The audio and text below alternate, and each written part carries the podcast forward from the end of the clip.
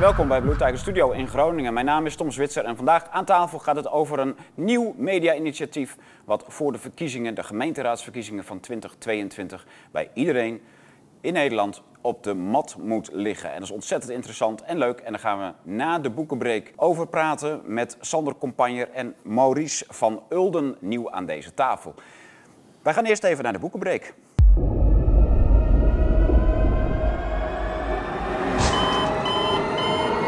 Ja, het is nogal actueel. Oorlog in Oekraïne en Rusland. En het Westen bemoeit zich er weer enorm tegenaan. Om niet te zeggen, die hele oorlog is een gevolg van geopolitieke beïnvloeding in Oekraïne en allerlei rotzooi van de NAVO en de EU in dat land. Want de 2030-agenda moet uitgerold worden en de Oekraïne als graanschuur van misschien wel het hele Eurasiatische continent moet natuurlijk onderdeel worden van die EU. Bijvoorbeeld de Rabobank die heeft al haar kapitaal uit Nederland teruggetrokken en vol geïnvesteerd in Oekraïne om daar met megafarms onze boeren overbodig te maken. Wilt u daar meer over lezen, dan kunt u bijvoorbeeld naar Epoch nummer 11. Daar staat heel veel in. Daar zijn de SDG's in uitgeschreven. En onder andere deze tactiek. En ook de Epoch nummer 10 en de Epoch nummer 12 bevatten daar informatie over. Maar we hebben meer, want de Blauwe Tijger heeft een hele oude trackrecord met geopolitieke boeken.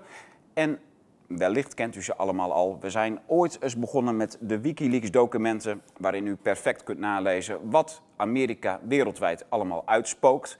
Onder andere in Oekraïne, maar in meer landen dan dat. Een heel leuk boek om te leren kennen wat er precies aan de hand is en wat de werkwijzen zijn. Dan hebben we nog Oorlog is misleiding en bedrog van onze eigenste Groningse Frey Morel. Een ongelofelijke bestseller, heel interessant, goed geschreven en echt de titel meer dan waard. Oorlog is misleiding en bedrog, dat moet u lezen. We zijn we nog niet. Ik heb ook zelf een keer een boekje geschreven over geopolitiek. De eerste filosofische, ah, het eerste filosofische essay over geopolitiek. Daar gaat dit boek over en dan met name ook weer die Rusland-Oekraïne-crisis lag ten grondslag aan dit schrijven. Dan hebben we nog één dik boek die onlangs is uitgekomen van de Zwitserse historicus Daniele Ganser. En die hoeft weinig inleiding. Als u Daniele Ganser kent, dan weet u dat is een ongelooflijk waardevol boek. Moet u ook gewoon lezen. En zijn we er nog niet, want dit zijn de dikke pillen van uitgeverij De Blauwe Tijger. We hebben ook een aantal kleine in de geopolitieke serie. Bijvoorbeeld wat Amerika uitgespookt heeft in Syrië. Pater Daniel Maas woont daar en heeft een dagboek bijgehouden tijdens de Syrië-oorlog. En dat dagboek is gebundeld onder de provocerende titel Poetin en Assad hebben ons leven gered. Twee delen, ook in onze webwinkel verkrijgbaar. We hebben ooit nog eens tijdens het Oekraïne-referendum een prachtig boek uitgegeven van Bas van der Plas. Hij woont vlakbij Sint-Petersburg in uh, een van de Baltische republieken, geloof ik. En is heel goed ingevoerd in de hele Russisch-Oekraïnse problematiek. En dan ook met name weer dat hele spel van de NAVO daarin. Bas van der Plas schreef toen een boek in de doolhof van 25 jaar Oekraïnse onafhankelijkheid. En dan dat laatste woord tussen aanhalingstekens. We sluiten af met de bestseller in deze hele serie. Poetin, de binnenkant van de macht van de Duitse sterjournalist Hubert Seipel. Zijpel biedt een blik in Poetins gedachten. Hij heeft meer tijd met hem doorgebracht dan enige andere westerse journalist. In de afgelopen vijf jaar heeft hij Poetin op tientallen reizen begeleid en meer dan twintig keer geïnterviewd. En dan is dit het resultaat ervan. Wie Poetin wil begrijpen, kan maar één boek lezen en dat is deze. En dat is echt waar. Dit is wereldwijd het beste boek over Poetin wat er te krijgen en te lezen is. Dan bent u weer bij ja, actualiteit blijft altijd actualiteit. Het is een roerig gebeuren en we, we leven van hot naar her en twitteren en rennen en facebooken een beetje. En ja, in die hysterische tijden dan gebeurt er van alles, maar uiteindelijk moet u gewoon een paar goede boeken lezen. Wil de problematiek van de, ja, dit soort langlopende trajecten, hè, zoals Bas van der Plas het schrijft, 25 jaar Oekraïnse onafhankelijkheid, ja, dat, dat heeft uh, een lange aanlooptijd, een lange geschiedenis. En dan is de waan van de dag ook toch maar de waan van de dag.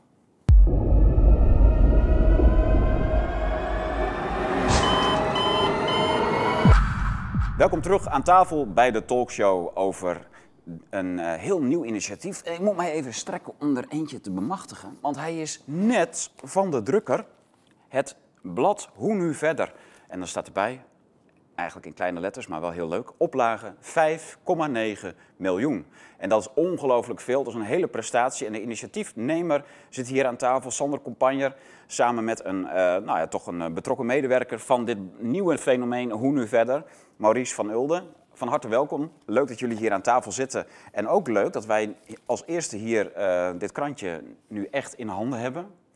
Ik wist de afgelopen week al een beetje van, uh, dat het uh, jullie plan was hè, om dit te realiseren. Maar het is een ongelooflijk traject geweest, of niet Sander? Ja, ik heb vanochtend uh, op weg hier naartoe ben ik langs de drukker gegaan. Er zijn twee drukkers die deze krant drukken, want een oplage van 5,9 miljoen kan je niet bij één drukker uitbesteden. En het is voor mij ook de eerste keer dat ik de krant nu echt, echt zie, ja, het eindproduct. Ja. En we zijn afgelopen weken onwijs druk geweest om deze krant te maken. We hebben een soort projectteam opgericht. Maar dat doe je dus uh, naast de andere krant waar jij uitgever bent? Dit, is, dit, project heeft daar echt naast, uh, is daarnaast ja. opgezet. Ja, en de redactie van de andere krant en de vormgevers van de andere krant... die hebben geholpen met uh, het realiseren van deze krant... met de huisstijl en de inhoud. Ja. Dus gisteren hebben we nog een krant uitgegeven... en iedereen is redelijk op het einde van zijn Latijn, kan ik je vertellen... na uh, deze krachttour. Ja.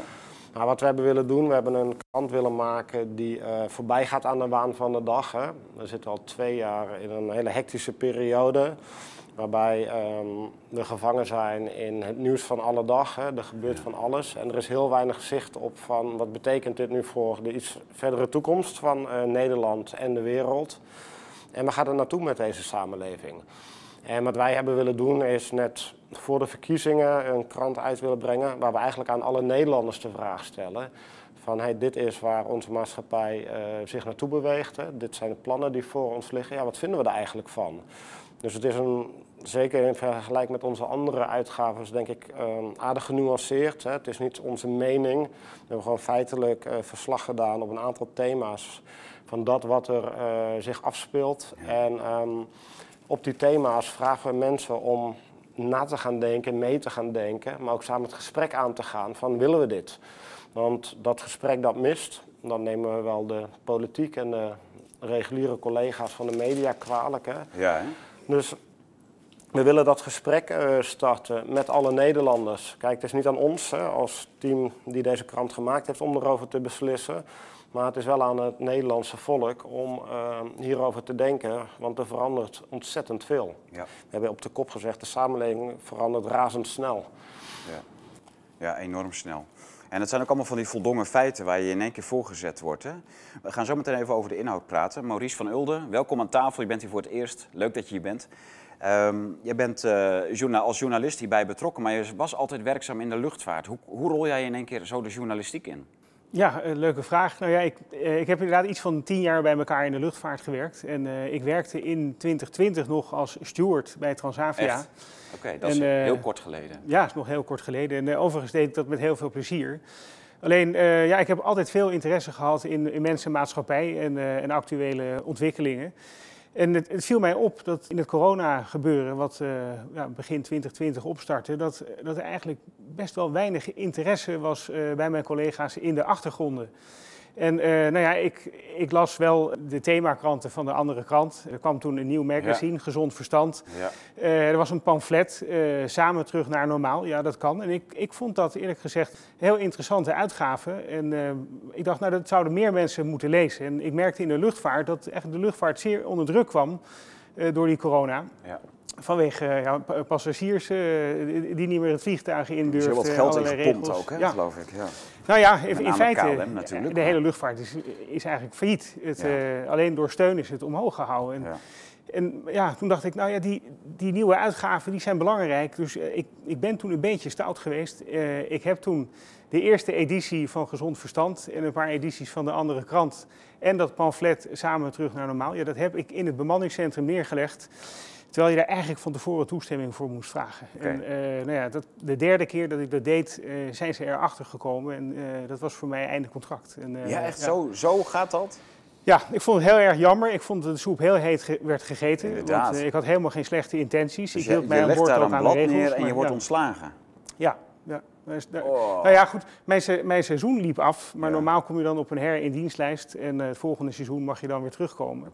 En daar, ja, ik moest mijn spullen inleveren en er ging een streep door mijn naam. Zo. En, eh, ja, ik, ik vond het zeer teleurstellend. Ja. Eh, ja, dat, dat ik op gesprek had moeten komen van wil je dit misschien niet meer doen. Eh, eh, ja, daar kan me iets bij Ja, je voorstellen. kunt, je maar kunt dat iemand zo aanspreken op, Ja. op zijn gedrag, maar de, ja. Ja. van, dat hebben we hier liever niet. Maar, Het was echt met de beste intenties, maar ja, zij, zij dachten wij kunnen hiermee in verlegenheid gebracht worden. Want ze hingen toen Waarom? de facto aan de staatsinfuus. En, eh, maar ja, ik, dus iedereen Ja. die aan de staatsinfuus hangt, die moet gewoon zeggen wat de staat ook eh, vindt? Of eh, is dat dan de implicatie? Nou, in ieder geval op de werkvloer en binnen de muren van het bedrijf. En ja, dat, norma normaliter kan ik me daar iets bij voorstellen, maar dit is Ja, maar zo... is, het is belastinggeld, het is geld van ons allemaal, het is niet Ja. van de staat. Nou ja, dat, dat ook. Zo, zo kan je er ook naar kijken. Ja. Ja. Ja, Maar ik, ja, in zijn algemeenheid, eh, ja, ik denk dat, dat we toch een beetje in een depressie zitten qua, qua burgerschap en participatie. En dat was eigenlijk mijn enige bedoeling, was, ja, om, om, eh, dat mensen zich breder informeren en erover praten met elkaar. Daar gaat eigenlijk ook de Hoe Nu Verder krant over. Meer, meer was mij, beoogde ik niet. Nee. En dus Oké. ja, ik, jammer dat het Ja. zo liep, maar daardoor kwam er allerlei tijd vrij en heb ik voor gezond verstand wat kunnen schrijven.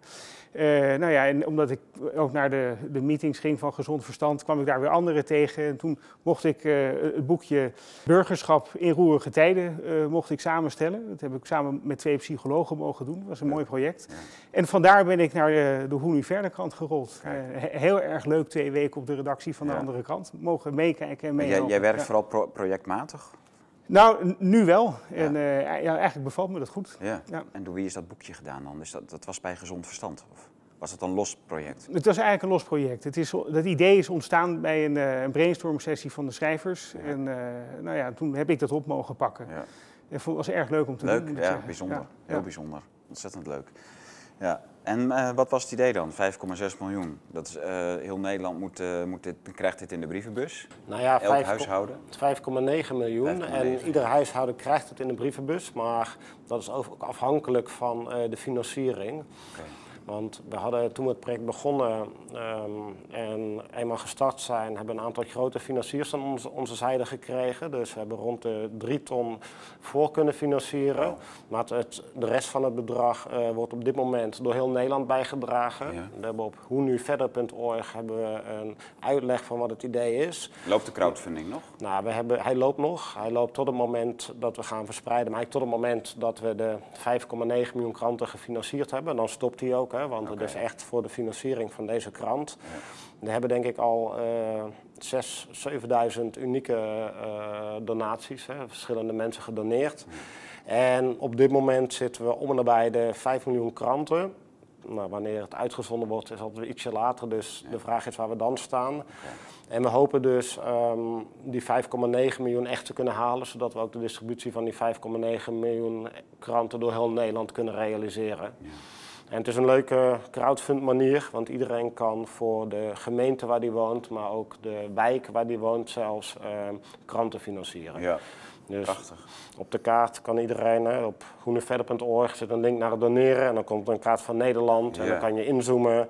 En dan kan je, nou ja, als er in jouw dorp 2000 woningen zijn, dan hebben we 200 euro nodig om eh, de krant Zo. te maken en Zo. te distribueren. Dat is niet veel eigenlijk.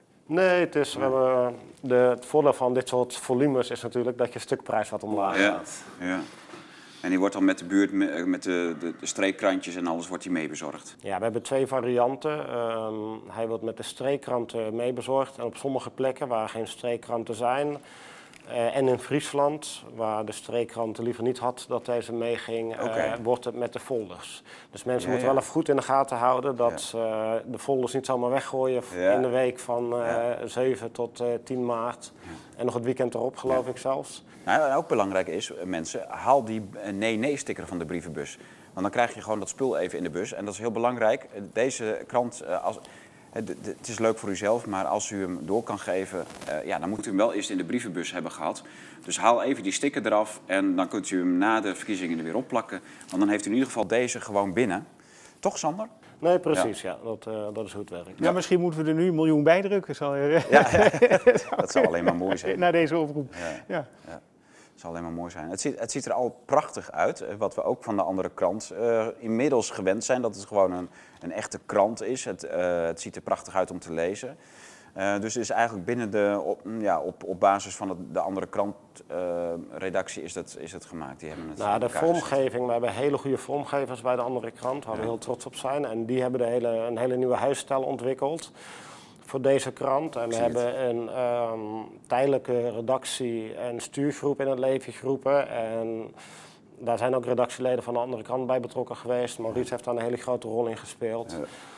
En vanuit dat team hebben we de krant gemaakt. En het model is dus dat we aan de hand van een aantal thema's, we hebben uh, democratie, vrijheid, ja. uh, zorg, jeugd en onderwijs, economie, hoe verdienen we ons geld en media, hebben we duiding willen geven van hoe, uh, wat is de staat van onze samenleving op dit moment, waar gaat het naartoe en welke keuzes hebben we daarin.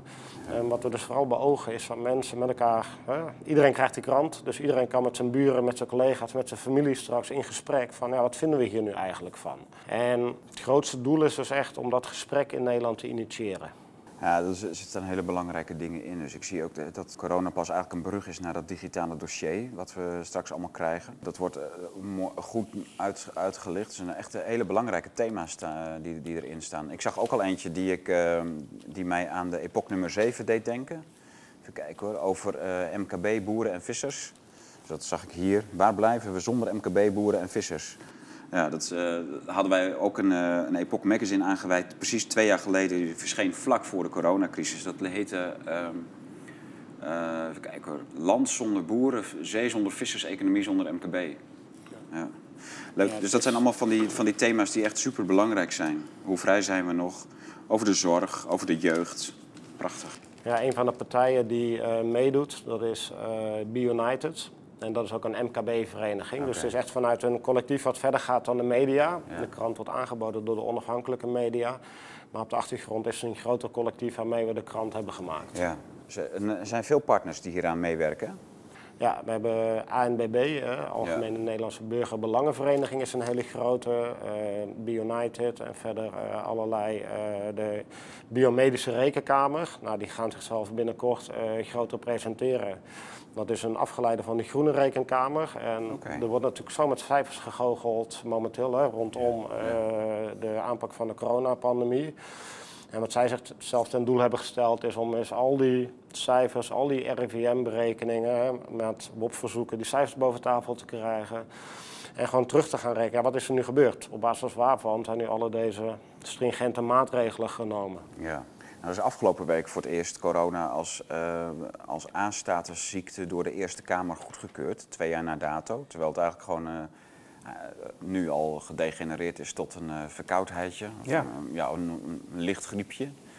En nu, nu wordt het nog eens door de Eerste Kamer als A-griep. Uh, dat is echt ongelooflijk. Ja, het is niet te bevatten. Nee. Het is niet te bevatten. Nee. totaal niet wetenschappelijk volgens mij ook nog Ook niet, ja. nee. Ja. Nee. Ja, we hebben hier aan tafel Tjerk de Haan gehad, die dat de afgelopen jaren een paar keer heeft aangekaart. Maar dat zijn van die absurde dingen. Waarvan, maar eigenlijk dus die hele looptijd van de corona was zo absurd dat je echt inderdaad nu van corona pas naar digitaal dossier. Ja, dat, dat zijn de grondlijnen die nu zichtbaar worden. Dat was dus de bedoeling. Nou ja, die social credits.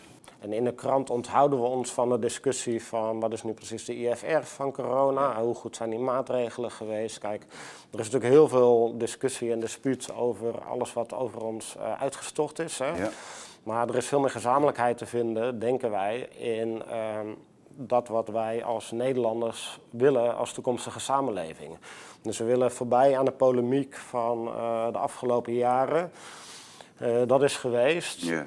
En nu samen kijken, was je voor of tegenstander van vaccineren, was je voor of tegenstander van alle maatregelen, van hoe willen we in de toekomst dan met een pandemie wordt omgegaan? Hoe willen we in de toekomst dat onze maatschappij is ingericht? En hoeveel invloed mag een overheid hebben op ons leven? Precies, hoe, mogen... hoe perken we dit allemaal nog in ook? Hè? Dat, is, dat is echt ook, ook weer zo'n fundamentele vraag. Een staat die zo, zo ver is gegaan, net als een hond die bloed heeft ge, ge, geproefd kun je die nog gewoon weer terugschroeven? Naar van, uh, kun je die dit nog afleren? Dit, als ze eenmaal die enorme uh, macht uh, hebben geproefd en geroken, waar ze nu, ja, dit, die zijn toch niet meer te stoppen, zou je zeggen? In dat opzicht zijn de gemeenteraadsverkiezingen die eraan komen natuurlijk heel interessant. Want er valt wel degelijk ook veel lokaal te kiezen. En misschien is dat een goede overweging. Okay. Want ja, de, de grote trend is toch uh, concentratie van macht. En, Ja. uh, nou ja, het gezegd is, uh, macht corrumpeert. Absolute macht corrumpeert absoluut. Ja, er, kan dat dan goed gaan, deze machtsconcentratie uh, die we nu meemaken? Ik denk dat het niet verstandig is. Nee. Oh, leuk. Een, een mediakartel zie ik staan. Internationaal mediakartel, ja. 96% van de Nederlandse kranten zijn in Belgische handen. Ja, Onvoorstelbaar. alle... DPG Media en Mediahuis. Maar dat, vanuit België is er heel veel kritiek op die twee, omdat zij waanzinnig veel uh, subsidie krijgen van de, vanuit de Belgische overheid. En dan met die subsidie kopen zij dus buitenlandse media weer op, zoals in Nederland ook is gebeurd. En in Ierland en in Denemarken en in een aantal andere landen. En als je de berichtgeving van die kranten ziet, kijk in België is natuurlijk een heel groot belang op het uh, bestaan van de EU. Omdat dat natuurlijk daar voor een heel groot gedeelte van het bruto nationaal product in België is afhankelijk van die EU. En dat zorgt voor werkgelegenheid, dat zorgt voor uh, het hele economisch leven van Brussel. Nou ja, je ziet in de Nederlandse kranten geen kritiek hè, of geen discussie over wat de rijkwijde van Brussel, hè, van de, de invloed van de EU zou moeten zijn.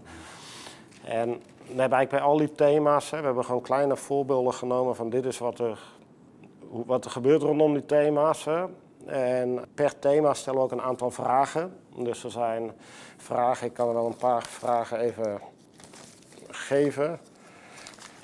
Bij bijvoorbeeld als het gaat over um, hoe vrij zijn we nog, hè? spreiding van macht heet uh, die spread.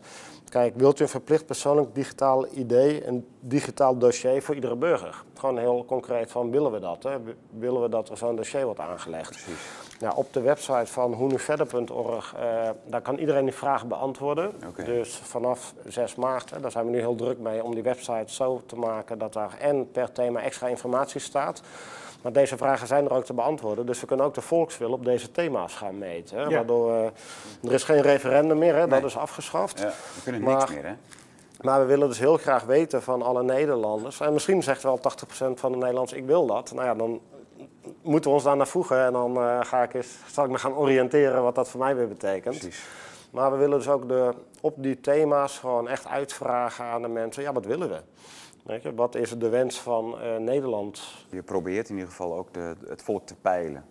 Nou ja, we vragen mensen om dus echt mee te gaan denken en te gaan participeren. Wat Maries ook net zeggen, die participatie die staat op een heel laag pitje. En we proberen mensen echt Ja. weer op te roepen om, nou ja, om hun verantwoordelijkheid ook te nemen. Want als we niet meegaan denken en beslissen waar het naartoe gaat, ja, dan wordt het voor ons besloten. Ja. En nou ja, die machtsconcentratie waar het net over gaat, die kan dan rustig zijn gang gaan. Ik vind het, ik vind het prachtig. Ook gewoon, eh, dit, dit is de, de grootste oplage die jij ooit hebt gemaakt. Je hebt mega-oplages bereikt met die themakranten van de andere krant. Maar zoveel nog niet. Maar het, is toch, moet toch prachtig zijn dat je ook dat je je realiseert van dit, dit gaat lukken. En deze, dit komt ook echt bij de mensen op de mat. Nou ja, we waren toen het gelukt was, hè, dat we door het gaat lukken, toen eh, hebben we ons wel in de arm moeten knijpen van oké, gaan, we dit- gaan we dit echt doen? Dus er was best wat euforie. En ehm, het geeft ook een verantwoordelijkheid, hè, want de andere krant is natuurlijk meer een gezond verstand hè, voor een toch publiek die eh, die informatie van ons wil hebben. Ja. Nou, deze krant gaat landen bij mensen die er niet om vragen. Dus we hebben heel erg gezocht om eh, buiten, de, buiten de polemiek te blijven, om het nuance, genuanceerd te houden. Nou, Maurice kan ook vertellen over hoe in het schrijven daar, hè, net als in het handboek, hè, er is ook met psychologen eh, contact geweest van hoe kunnen we nu het zo brengen dat het voor iedereen toegankelijk is. Ja, graag. Ja, ik wil sowieso aan je vragen van eh, wa- wat is je bijdrage aan de krant geweest en wa- wat, eh, ja, hoe heb je dat beleefd? Maar dit is een, eh, ja, Sander neemt mijn rol over, is ook prima. Ja. Nou, ik heb, ik heb een paar stukken mogen, mogen schrijven. Maar ik heb ook mee mogen denken over de vormgeving en, en de illustraties eh, die erin staan. Ik heb bijvoorbeeld de illustratie over eh, van coronapas naar digitaal dossier. Dat is, eh, dat is door, een, ja, door een tekenaar gemaakt die eh, voor gezond verstand en de andere kant af en toe een tekening maakt. Maar ja, hij beeldt hier dus uit dat, dat, dat, dat we straks naar een situatie toe gaan waarbij een overheid eh, eh, met een vinger aan de knop eh, kan, beslissen of jij nog toegang hebt om, om, om je te kunnen vervoeren. Of je nog bij je geld kan komen, of je nog het internet op mag, of je nog zorg krijgt. En Ja, ja dat, dat, ik denk dat het een hele zorgelijke ontwikkeling is. En uh, ja, ik, ik vind dat de tekenaar dat, uh, prachtig uitgebeeld heeft. En uh, ja, ik hoop dat heel veel mensen hier ja, wel een tijdje naar gaan kijken en vooral met elkaar het gesprek erover openen. Ja. Ja, dat is goed dat je dat noemt. Ik was gisteren in de stad Groningen voor een straatinterview. Om, er is een proeftraject voor Smart City Groningen uitgerold, waarin allemaal camera's met gezichtsherkenning staan opgesteld voor een, uh, een straatstuk waar best veel verkeer langskomt. En uh, dus ik ben daar met de camera gaan vragen aan mensen: van, nou, weet je dat je hier met gezichtsherkenning en al in het dossier van de burgemeester belandt? En uh, ja, het, het, was echt ontluisterend hoe jongeren bijvoorbeeld daarop antwoorden. Er zijn maar heel weinig jongeren bewust van het feit dat überhaupt zoiets kan ontaarden naar, ja. naar zo'n sociaal credit systeem. Er zijn echt een aantal mensen geweest die zeiden van ja, maar ik heb toch niks te verbergen. Ik heb toch niks geen. Uh, wat moet je daar dan nog op zeggen? Als je niks te verbergen hebt, dan. Uh, ik zeg, joh, ja, nou, je hebt niet zoveel te verbergen zolang, zolang, een overheid daadwerkelijk te goede trouw is. Maar zo werkt macht niet. Uh, macht uh, kan ontsporen en macht moet dus uh, binnen grenzen gehouden worden. En daar, daar, heeft de burger in een democratie een hele belangrijke rol te spelen. En ik denk eigenlijk dat de afgelopen decennia het een beetje te veel geweest is van nou, gaat u maar slapen, wij regelen het. En je ziet ook de terugloop in de ledenaantallen bij politieke partijen, maar ook bij vakbonden. Ik denk, ja, de, de belang uh, om, om zelf een mening te vormen en, en die uit te dragen, dat is een beetje in de vergetelheid geraakt. Maar je noemt niet voor niks vakbonden. Dat is, dat is een, cruciaal, ja, een cruciaal instituut eigenlijk in hoe onze maatschappij in elkaar zit. Ja. En de participatiegraad is heel laag. Ja. Hoe, hoe, zou, hoe kun je daar een, een kentering in aanbrengen? Ja, ik, ik, vrees een beetje dat uh, de wal uh, het schip gaat keren en, uh, en dat de ogen dan open gaan. Maar hoe goed is de weg terug nog te bewandelen op dat moment? daar maak ik me zorgen over. Maar is het ja. bijvoorbeeld een mogelijkheid dat, dat, er zelf, dat, er een nieuwe vakbond opgericht wordt? Is dat, is, of is dat heel lastig? Nou ja, ik, ik, denk dat die mogelijkheid er nog wel is. We, we hebben nog vrijheid van vereniging en vergadering. Ja. ja. hoe lang nog? Want, uh, kijk, bestaande vakbonden en uh, hoe heet dat, FNV, CNV vooral. En dan heb je nog een paar uh, vakbonden die heel erg in een beroepsgroep zitten. Maar die twee zijn het grootste. En dan zie je gewoon dat het kader toch helemaal gewend is aan die vergadercultuur in Den Haag. En eigenlijk, net als bij de boerenbelangendemonstraties als LTO, eigenlijk gewoon in de zak zitten van de ambtenaren en de ministeries en de minister. En dat zie je dus bij de.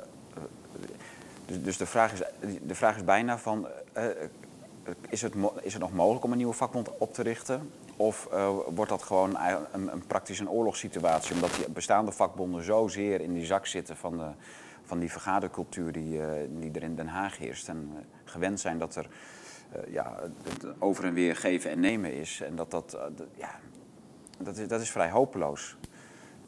Nou, op de laatste pagina van de kranten, want um, we hebben toch ook um, in de krant alternatief willen geven. Nu, de hoofdmoot van de krant is echt duiding van um, waar zijn we beland, wat, wat is de richting die het opgaat. En de laatste pagina is wat kunnen we doen. En er zijn heel veel verbindingsgroepen op dit moment aan het ontstaan. Dus ja. mensen zijn zich wel degelijk aan het verbinden. Er zijn groepen door het hele land waar mensen afhankelijkheid proberen te creëren in groepen. Hè, door samen hun voedselvoorziening uh, tot en met energie, tot en met scholing. Hè. En misschien is een volgende stap, en laat die krant daar een katalysator in zijn, dat mensen zich ook um, op hun werkplek uh, gaan organiseren en samen een vuist gaan maken tegen het onoverkomelijke wat soms lijkt. Hè, de, het uitrollen van uh, de agenda's. Dus ik ben wel hoopvol. Ik denk dat. Dat zijn uh, eigenlijk allemaal strategieën om toch nog binnen het bestaande systeem, binnen deze bestaande maatschappij, uh, proberen om dat bij te sturen, deze kwalijke ontwikkelingen. Nou ja, die verbindingsgroepen niet. Hè. Dat zijn bijna. Het, ja, maar een, een, vakbond opereert binnen het systeem. Hè. Een, uh, wappie ziekenhuizen, zorgcentra die nu. Ja, je hoort er nog steeds weinig van, maar het is toch al heel lang de wens om dat allemaal, hè, bloeddoneerbanken, dat is toch allemaal binnen het bestaande systeem opereren. Ook al je bent afhankelijk van uh, onderwijs, net zo, van uh, overheidssubsidies, echt staatsvrij is heel lastig. Ja, en dat de, geldt ook voor zorg. Er is een grote toename van het aantal staatsvrije scholen. Hè. Dat heeft een onwijze vlucht genomen en er zijn steeds meer scholen. Ja, dus er zijn steeds meer mensen die wel. Een luxe product wat, wat armere mensen toch niet kunnen betalen. Ja, maar ook daarin, ik denk in de beweging die ontstaat, hè, de mensen die verantwoordelijkheid nemen voor hun eigen leven. Dat zijn ook mensen die doorhebben van ja, als, het alleen, als wij alleen voor onszelf gaan zorgen en de rest hè, die niet mee kan doen buiten beschouwing laten, dan zijn we nog nergens. Dus wordt wel degelijk ook gedacht van hoe kan het toegankelijk worden. En er zal een voorlopersgroep zijn en er zal, uh, ik weet ook van... Uh, maar je moet erkend worden door, het, door het ministerie van Onderwijs. Je moet een erkenning hebben van een basisschool, anders zijn die kinderen gewoon, eh, gaan de facto niet naar school. Nee, maar met een staatsvrije school mag je al zelf het curriculum in grote mate bepalen. Misschien net iets meer dan met een, uh, met een uh, gesubsidieerde school. Maar je zit nog steeds heel erg in dat systeem. En daarom zeg ik weer, dit zijn eigenlijk toch wel... Eh, je probeert natuurlijk wel de randen op te zoeken. Maar ja, het is eigenlijk toch een soort nog een poging om binnen dat bestaande systeem, bijsturing en, en misschien kleine revolutietjes her en der, toch dat hele logge schip te keren. Nou, het is en-en, denk ik. Hè. Het is en in het systeem, hè, doen wat je kan doen. Nee, maar ik, ik zeg ook niet dat dat niet moet. Hè. Dus dat, ja. ja. ik begrijp het heel goed. Ja, ja want die parallele samenleving, uh, dat, dat idee leeft heel erg in die verbindingsgroepen. Hè. Dus aan de, aan de basis leeft dat, uh, moet iedereen onderdeel worden van de parallele samenleving. En dan hoor je dingen als dat ze er wordt onderling koffie en thee gedronken en soms groentetuitjes worden erbij gehouden, zodat je al een soort van basisvoedseluitwisseling krijgt. Maar er zijn ook groepen. Wij hebben een tijd geleden in de andere krant een groep uit uh, Voerendaal, bij Heerlen in de buurt. En daar zijn 500 mensen bij betrokken. Die zijn op een onwijs mooie gestructureerde manier op acht, negen domeinen onafhankelijkheid. En die hebben al uh, zulke van die hele grote watercontainers met het schoon water. Die zijn met energie bezig, die zijn met scholing bezig, die zijn met voedselbossen bezig. Dus dat wordt al degelijk heel concreet. En het de ideeën worden aangeleverd door mensen als Bob Wit, Ad Broeren. Maar het gaat erom dat het in de praktijk wordt gebracht. En dat gebeurt wel degelijk op heel veel plekken. En van daaruit um, kunnen we gaan ontdekken samen hoe werkt dat, waar loop je tegenaan. En um, ik denk dat het wel een ontwikkeling is die, uh, die niet te stoppen is. Omdat die mensen zich niet neer gaan leggen bij de ordening zoals die uh, wordt opgelegd. Maurice, wat vind jij nog verder een belangrijk element in, de, in dit blad? Waar je, waar je graag aan gewerkt, meegewerkt hebt? Nou ja, de, het, thema bedrijvigheid. Uh, dat, je, dat ja, ook de grote trend toch is dat, uh, dat, dat je steeds meer ziet dat uh, kleine bedrijven worden opgekocht door grote bedrijven. En, Tim Gielen heeft daar een, een hele mooie uh, ja, documentaire over gemaakt. Uh, waar hij laat zien dat er eigenlijk uh, steeds meer bedrijven in, in, handen komen van, van heel grote investeringsvehikels. En nou de, dus ook weer concentratie van macht. En nou ja, ons eigen MKB leidt daaronder. En nou, ik begrijp dat er bijvoorbeeld een, een, nationaal groeifonds is, waar, waar 30 miljard subsidie wordt uitgedeeld. Maar je komt pas in aanmerking bij projecten die 30 miljoen plus investering met zich meebrengen. Dus, dus dat gaat aan het MKB voorbij. Als een voorbeeld. Terwijl, uh, ja, ik begrijp dat toch de meeste werkgelegenheid en, uh, komt voort uit het uh, MKB. En, ja, dat is een motor van de economie, nou, van dus, oudsher. En ja. de multinationals die hebben daar weinig aan toe te voegen. Ja, ja, nou ja, daar hebben we speciaal aandacht ook aan willen besteden in, in deze krant. Uh, ik denk dat het een heel belangrijke discussie is. Uh, willen we naar, uh, naar inderdaad een maatschappij waar, waar straks alleen nog maar wat multinationals en ketens zaken doen? En, of, of, willen we vooral ook dat lokale, ja, wat, wat kleinere in ere houden? Ja, de, ik, dat, de menselijke maat die vind je toch bij het MKB en, en niet zozeer bij de multinationals. En, nou ja, ook hier heeft de tekenaar weer iets aardigs gemaakt. Dat is dan Jeff Bezos die met een Amazon stofzuiger uh, ja, de, de, winkelstraten opzuigt. En, uh, ja, de, toch een beeld. Die, die winkelstraten waren al weinig soeps. Hè. Ik, ik, ja. kijk, ik kom uit de stad Groningen en ik, als kleine jongen fietste ik nog zelf naar de, naar de ijzerwinkel om schroefjes te kopen. En ja. naar een hobbymaterialenwinkel om iets voor mijn modelbouwboot te halen. Maar dat is allemaal weg. Die, die winkels wat je vanzelfsprekend in die oude binnensteden allemaal had. En dat is allemaal vervangen door de HEMA, Kruidvat, Ethos en de hele uh, rattenplan en de supermarkten. Uh, alles wordt ook verhuurd aan studenten. Het is, er is gewoon geen, geen, geen fluit meer aan, aan, aan die steden. Nee, het is waar, moet je, ja. waar moet je als MKB...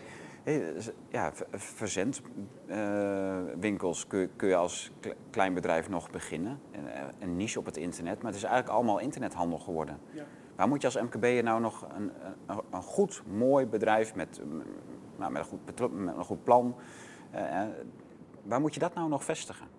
Moeilijk. Nou ja, je kan nog op de markt gaan staan. Hè? Ja. Dat, uh, ik bedoel, in de coronatijd ben ik veel naar de markt geweest. En uh, daar, daar kon je nog, nog prettig vrij ademend rondlopen. En daar zijn ook nog wel ja, veel, veel een beetje speciaalzaakjes. Uh, ja, ja. Dan, voel je ook, dan voel je ook hoe heerlijk die sfeer is in Haarlem. Ik kom uit Haarlem. Ja. Ja. Nou en ook daarbij is de, de maatschappij is de optelsom van alle individuele keuzes die gemaakt worden. En kijk, als wij niet zouden geloven dat uh, we het ten goede kunnen keren, dan zouden we niet deze krant uitgeven en 5,9 miljoen exemplaren gaan verspreiden. Maar het zal wel in de hoofden van heel veel Nederlanders moeten komen dat het echt al onze individuele keuzes zijn die die samenleving maken. Bij de regie terugpakken, we hebben gewoon een aantal van inkoppers, maar toch hele fundamentele dingen. En het eerste is van koop meer lokaal. Kijk, op het moment dat jij uh, waarde hecht aan die ijzerzaak, ga je dan bij de Action uh, voor een dubbeltje goedkoper je gereedschap kopen? Of ga je naar een vakman die, uh, die een mooie ijzeren, ijzerhandel of speciaalzaak heeft? Dus en wat ik ook denk, hè, wat ik ook hoop dat deze krant gaat doen, hè, er is natuurlijk heel veel framing. Hè. Ik zit hier bij een staatsgevaarlijke uh, uitgeverij. Nee, toch echt? Echt ja, ja, ik oh, heb het uh, erg. van de week weer in het Noord-Hollands Dagblad mogen lezen. Het Noord-Hollands Dagblad? Of nee, het Noord... Uh, of Dagblad van het Noorden. Dagblad van het Noorden, ja. Die, die, ja. Hè, van, ja. ja, die hoe, schijnen allemaal... Hoe staatsgevaarlijk jij wel niet bent, hè. Omdat je gewoon ruimte geeft voor meningen die buiten het speelveld moeten blijven. Hè.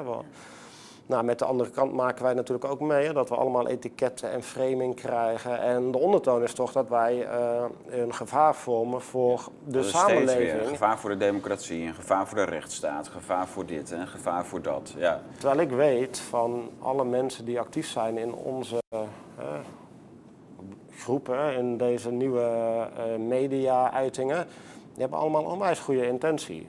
Die willen juist uh, de menselijke maat terug. Die willen juist een samenleving waar ieder leven in tel is. Hè? Waar niet het ene, de ene persoon leeft ten koste van de andere persoon. Dat allemaal heel gewoon wordt gevonden. Die willen niet meedraaien in die gelijkschakelingsmachine. Precies. En waar iedereen, dus waar echt diversiteit mag zijn. Hè? Niet uh, nu opgelegde diversiteit, maar waar echt iedereen mag zijn zoals hij is.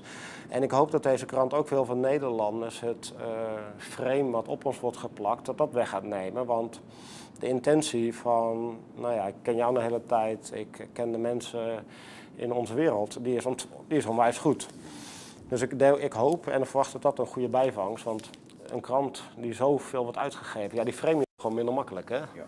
Dat is, uh, Nee, dat klopt. Ja, dat is wel uh, dat is het leuke dat dit toch een breed initiatief is geweest met heel veel uh, mensen die dit hebben gesteund, meewerken en uh, Met mee naam en toename. We ja. zijn aanspreekbaar op wat we doen. Ja. Dus, Ik zie het. Ja. Mooi. Dat is prachtig. Um, Maurice, zit jouw job er nu op of ga je iets nieuws doen of heb je hier nog een paar maandjes werk aan? Nou ja, de, uh, de website die, uh, moet nog afgemaakt worden. En uh, ja, we hopen natuurlijk dat er enorme respons komt op de website. Het zou een mooie uiting van burgerschap zijn om, om je mening daar, daarop te geven. En nou ja, we, we, hopen dat dat wat stof gaat doen opwaaien. En dat we, dat we met die uitkomst de boer op kunnen. Ja. En wie weet komt er dan wel een vervolg. Ja. Worden die onderzoeken ook bij de de ANBB die heeft dus ook van dat soort uh, onderzoeken, van, hè, vragen die ze elke... Die faciliteert het, die, hè? Oh, die faciliteert ja, ja, dat ook met hun uh, infrastructuur. Ja, ja, ik kan zeggen, die hebben natuurlijk nu wel ervaring met om, hoe je dat soort onderzoeken maakt. De ANBB is heel groot betrokken bij dit hele project. Mooi, ja, ja, ja het staat erbij. dus die gaan nou mee uh, helpen inventariseren en analyseren van de... Ja. leuk. Ja, dus er, wordt, er komen hele spannende weken aan. Ja. ja. Ja, ik ben heel benieuwd. Ik ben sowieso benieuwd hoe die verkiezingen gaan lopen. Ja, dat, uh, ik mag toch hopen dat mensen nog eens heel kritisch gaan denken over... Kijk, wie in staat is om zulke dwang en drang op te leggen... Uh, onder de nemesis van een verkoudheidsvirus, hè, in welke variant dan ook ja, dat mensen te raden gaan van ga ik die partijen nog een keer uh, steunen of ga ik ze eens maar voor vier jaar of eenmalig toch even een tik op de vingers geven. Dus uh, ik ben heel benieuwd. Ja. Ja, een hoop mensen denken het is voorbij. Maar ik las gisteren in Die Welt dat uh, de Duitse Hugo en Ernst, uh, Karel Lauterbach, die zei qua corona zitten we pas in de babytijd. Nou, ik vind dat nog wel nee, uitspraakelijk. Ja, echt, dus, uh, ja, ja dus betekent dat? Je gaat het zo lang mogelijk uitmelken. Ja. ja dat, maar dat, was, dat, ja, dat dacht ik ook twee jaar geleden toen ze, toen ze een paar weken bezig waren. Ik dacht van, oh, dit is een, crisis, een crisis die ze heel, heel fijn vinden. Die gaan ze zo lang mogelijk uitmelken. Uitsmeren, problemen cultiveren. En, nou, er wordt van alles op, op uitgerold. Een hele agenda wordt er uitgerold op iets wat, uh, nou ja. Ja, ik hoop in ieder geval dat, dat de stem van de Nederlanders is: wij willen openheid. En uh, dingen moeten vooraf besproken worden en niet achteraf. Hè? Vrijheid. Ja. ja. Prachtig. Uh, Maurice, uh, enorm bedankt. Sander, bedankt. Leuk dat jullie dit hier aan deze tafel willen lanceren, de krant. Uh, het initiatief is al langer bekend, met name omdat er uh, gecrowdfund is. Maar ja, dat die krant nu van de drukker is, dat is natuurlijk ook een mijlpaal. Dat is geweldig. Leuk. Gefeliciteerd nogmaals. En heel veel succes de komende weken met de verspreiding van de krant. En ja, aan u de vraag. U kunt dus meehelpen met deze crowdfunding. U kunt in uw eigen wijk de bezorging financieren. En dat is eigenlijk niet eens zo duur. U kunt dat gewoon op de website van hoenuverder.org zelf even uh, aanklikken. U kunt natuurlijk ook een wijk aan de andere kant van het land pakken. Wanneer u denkt van nou, een oude Pekelaar moeten ze het ook lezen. Dan uh, kunt u dat crowdfunden. U kunt met alles helpen. Uh, die website die wijst zichzelf, dus ga er even heen. Hoenuverder.org. En dan krijgt u die krant.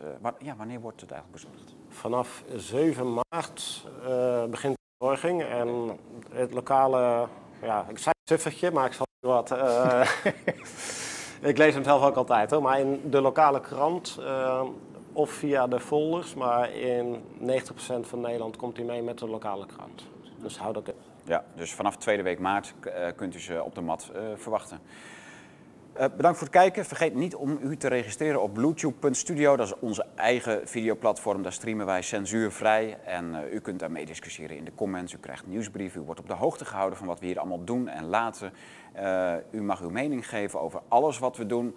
En u krijgt ook post één keer per jaar, minstens. Dan uh, krijgt u onze folder op de mat vallen met uh, interviews, onze hoogtepunten uit deze studio, nieuwe titels en oude titels die wij het waard vinden om u nog even onder de ogen te brengen.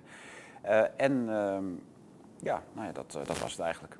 Dus u krijgt eind van de week nog een uitzending van ons en daar zien wij u heel graag bij terug. Maurice en Sander, nogmaals dank en uh, fijne reis terug. Bedankt voor het kijken.